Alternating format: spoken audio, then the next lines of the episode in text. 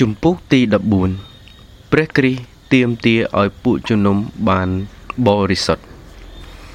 អ្នកណាដែលមានត្រចៀក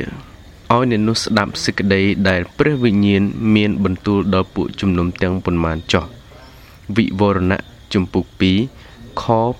7ទោះជាពួកជំនុំរបស់អ្នកមានឈ្មោះអ្វីក៏ដោយខ្ញុំសូមអញ្ជើញអ្នកយកចិត្តទុកដាក់ ជាពិសេសចំពោះខគម្ពីរខាងលើនេះ ប្រសិនបើអ្នកចូលរួមការថ្វាយបង្គំនៅក្នុងពួកជំនុំគ្រីស្ទៀនណាមួយក៏ដោយ ពាក្យទាំងអស់នេះគឺសម្រាប់អ្នកពាក្យទាំងអស់នេះគឺសម្រាប់អស់អ្នកណាដែលហៅខ្លួនឯងថាគ្រីស្ទៀនពាក្យទាំងនេះត្រូវបាននិយាយម្ដងហើយម្ដងទៀត7ដង នៅក្នុងជំពូកទី2 និងជំពូកទី3នៃកាន់គម្ពីរវិវរណៈព្រះយេស៊ូវបានផ្ញើសម្បត្តិ7ផ្សេងគ្នា តាម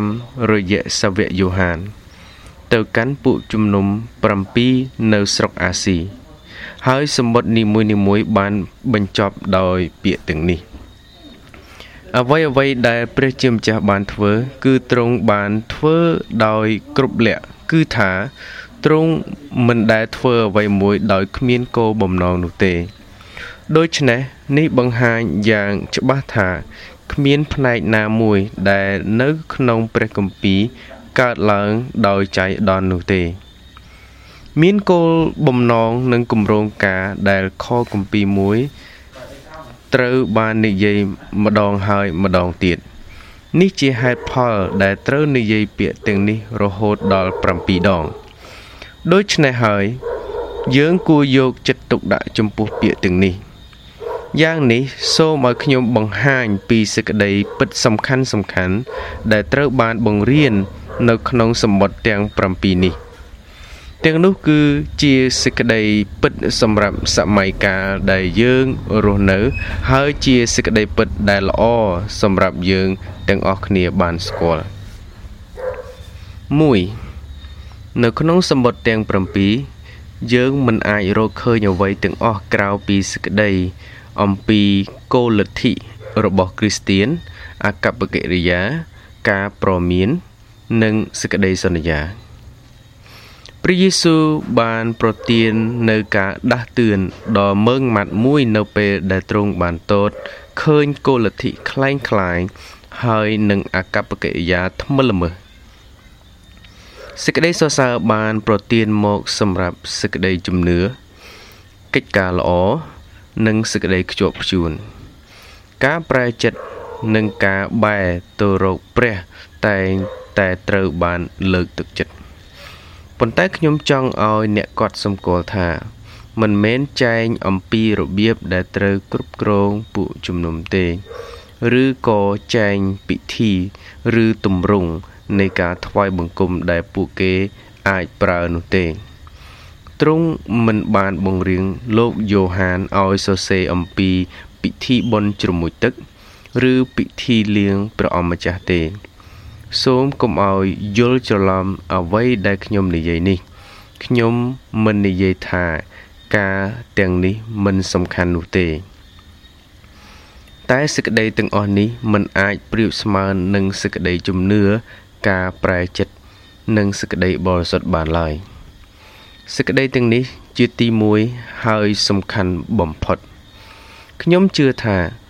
បើមិនមានសេចក្តីខាងប្រលឹងវិញ្ញាណទាំងនេះទេគ្មានអ្នកណាម្នាក់អាចបានទទួលសេចក្តីសង្គ្រោះបានឡើយនេះជាហេតុផលមួយដែលជាញឹកញាប់ខ្ញុំបានដាស់តឿនមនុស្សមិនត្រូវឲ្យស្កប់ចិត្តនឹងអ្វីដែលគ្រាន់តែ ផ្នែកខាងក្រៅនៃជំនឿឡើយ។ពួកគេមិនមែនជាគ្រីស្ទៀនឡើយបើគ្រាន់តែមានលក្ខណៈខាងក្រៅត្រូវតែមានការបង្កើតថ្មី ដោយព្រះវិញ្ញាណបរិសុទ្ធនៅក្នុងចិត្តវិញសេចក្តីជំនឿពិតគឺជាសេចក្តីផ្ទាល់ខ្លួន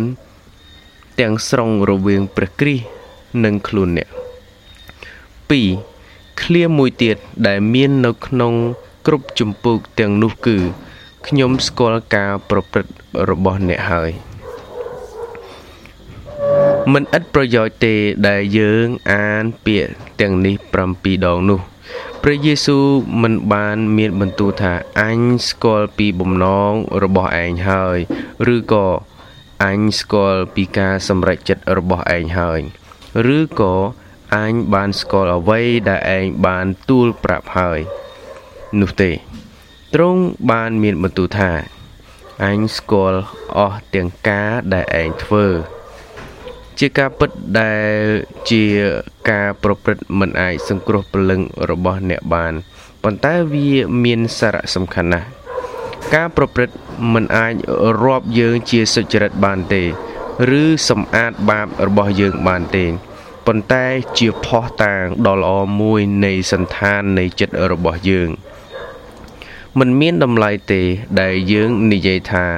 យើងស្គាល់ព្រះជាម្ចាស់នោះ ប្រសិនបើអកប្បកិរិយារបស់យើងបដិសេធអ្វីដែលយើងនិយាយនោះដូចជាពួកអ្នកដែលសាវកបុលបានពិពណ៌នានៅក្នុងព្រះគម្ពីរទីតូសជំពូក1ខ16 អកប្បកិរិយារបស់យើង ជាភ័ស្តុតាងនៃជំនឿរបស់យើងកព្រះអម្ចាស់យេស៊ូវជ្រាបពីការប្រព្រឹត្តរបស់អ្នកមិនជឿហើយថ្ងៃមួយទ្រង់នឹងដាក់ទណ្ឌកម្មដល់គេ ការប្រព្រឹត្តទាំងនេះអាចនឹងត្រូវបានគេបំភ្លេចនៅលើផែនដីប៉ុន្តែនឹងមិនត្រូវបានបំភ្លេចនៅនគរស្ថានសួគ៌ឡើយ។ ខព្រះអម្ចាស់យេស៊ូវជ្រាបពីការប្រព្រឹត្តនៃរាជដែលចេះកោតខ្លាចរបស់ទ្រង់ហើយទ្រង់វាស់ថ្លឹងគេទ្រង់ជ្រាបពីមូលហេតុដែលអ្នកជឿធ្វើនៅអ្វីដែលពួកគេធ្វើ គឺថាពួកគេធ្វើសម្រាប់ការសរសើរផ្ទាល់ខ្លួន របស់ពួកគេច្រើនប៉ុណ្ណាហើយធ្វើសម្រាប់ជ្រុសម្រាប់ទ្រង់ច្រើនប៉ុណ្ណាគោ ព្រះអម្ចាស់យេស៊ូវជ្រាបពីការប្រព្រឹត្តនៃរាជរបស់ផងទ្រង់ផ្ទាល់ហើយថ្ងៃមួយទ្រង់នឹងប្រទានរង្វាន់ដល់គេទ្រង់មិនដែលទតរំលងអ្វីដែលធ្វើឡើងនៅក្នុងព្រះនាមទ្រង់ទេ លោកីអាចនឹងមិនដឹងពីអ្វីដែលយើងធ្វើ ឬមូលហេតុដែលយើងធ្វើប៉ុន្តែព្រះយេស៊ូវទតឃើញហើយជ្រាបគ្រប់ការទាំងអស់វិញ។ មិនមានការប្រមានដ៏មើងម៉ាត់មួយនៅក្នុងការទាំងអស់នេះទេ អ្នកអាចនឹងបោកបញ្ឆោតអ្នកដទៃឬសូម្បីតែខ្លួនឯងអំពីអ្វីដែលអ្នកធ្វើនិងមូលហេតុដែលអ្នកធ្វើវាប៉ុន្តែអ្នកមិនអាចបោកបញ្ឆោតព្រះគ្រីស្ទបានឡើយ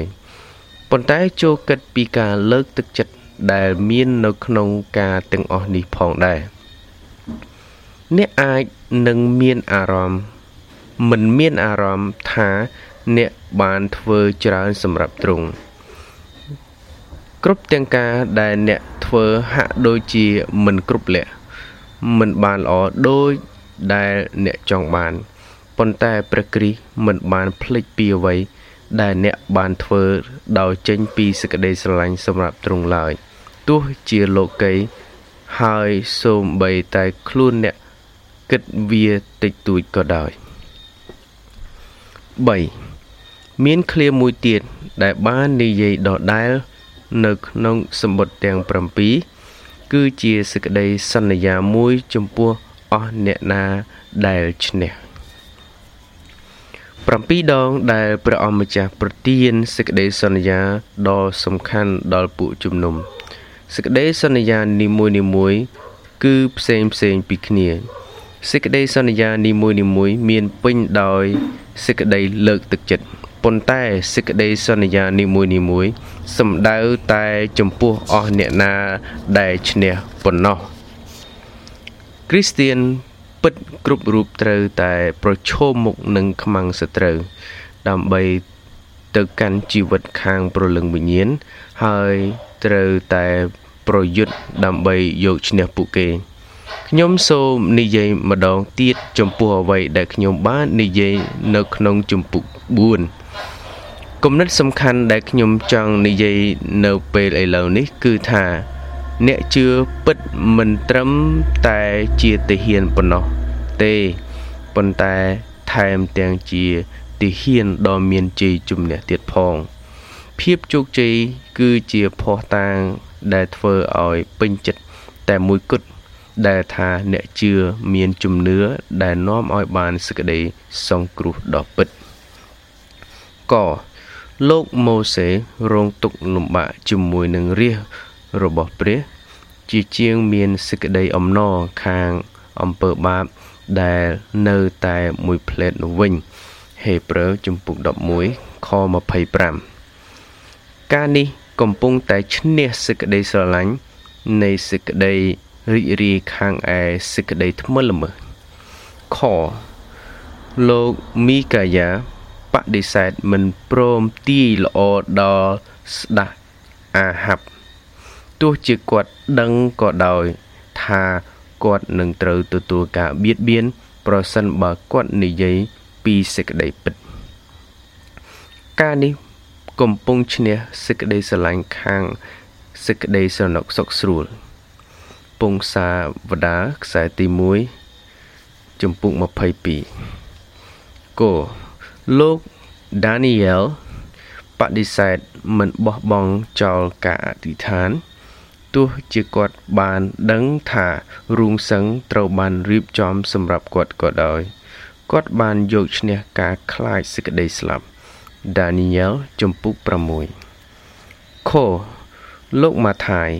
បានចាក់ចេញពីតុកអ្នកប្រមូលពន្ធ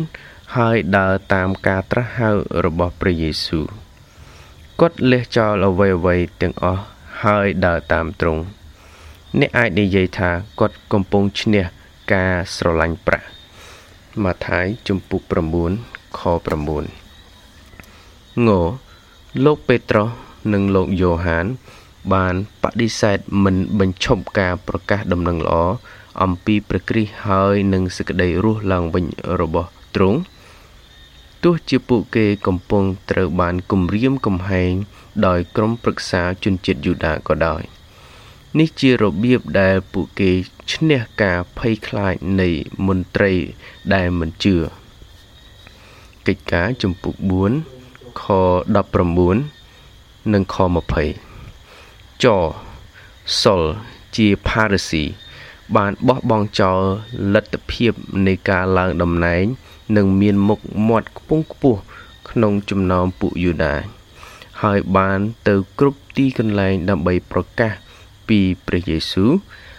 ដែលពីមុនគាត់ជាមនុស្សដែលព្យាយាមបៀតបៀនគេ ការនេះកំពុងឈ្នះលើការស្រឡាញ់ការសរសើរពីមនុស្ស ហ្វីលីបជំពូក3ខ4ដល់ខ9មេរៀននេះច្បាស់ស្រួលយល់សម្រាប់យើង ប្រសិនបើអ្នកចង់ដឹងប្រកបច្បាស់ថាអ្នកជាអ្នកជឿពិតប្រកបអ្នកត្រូវតែ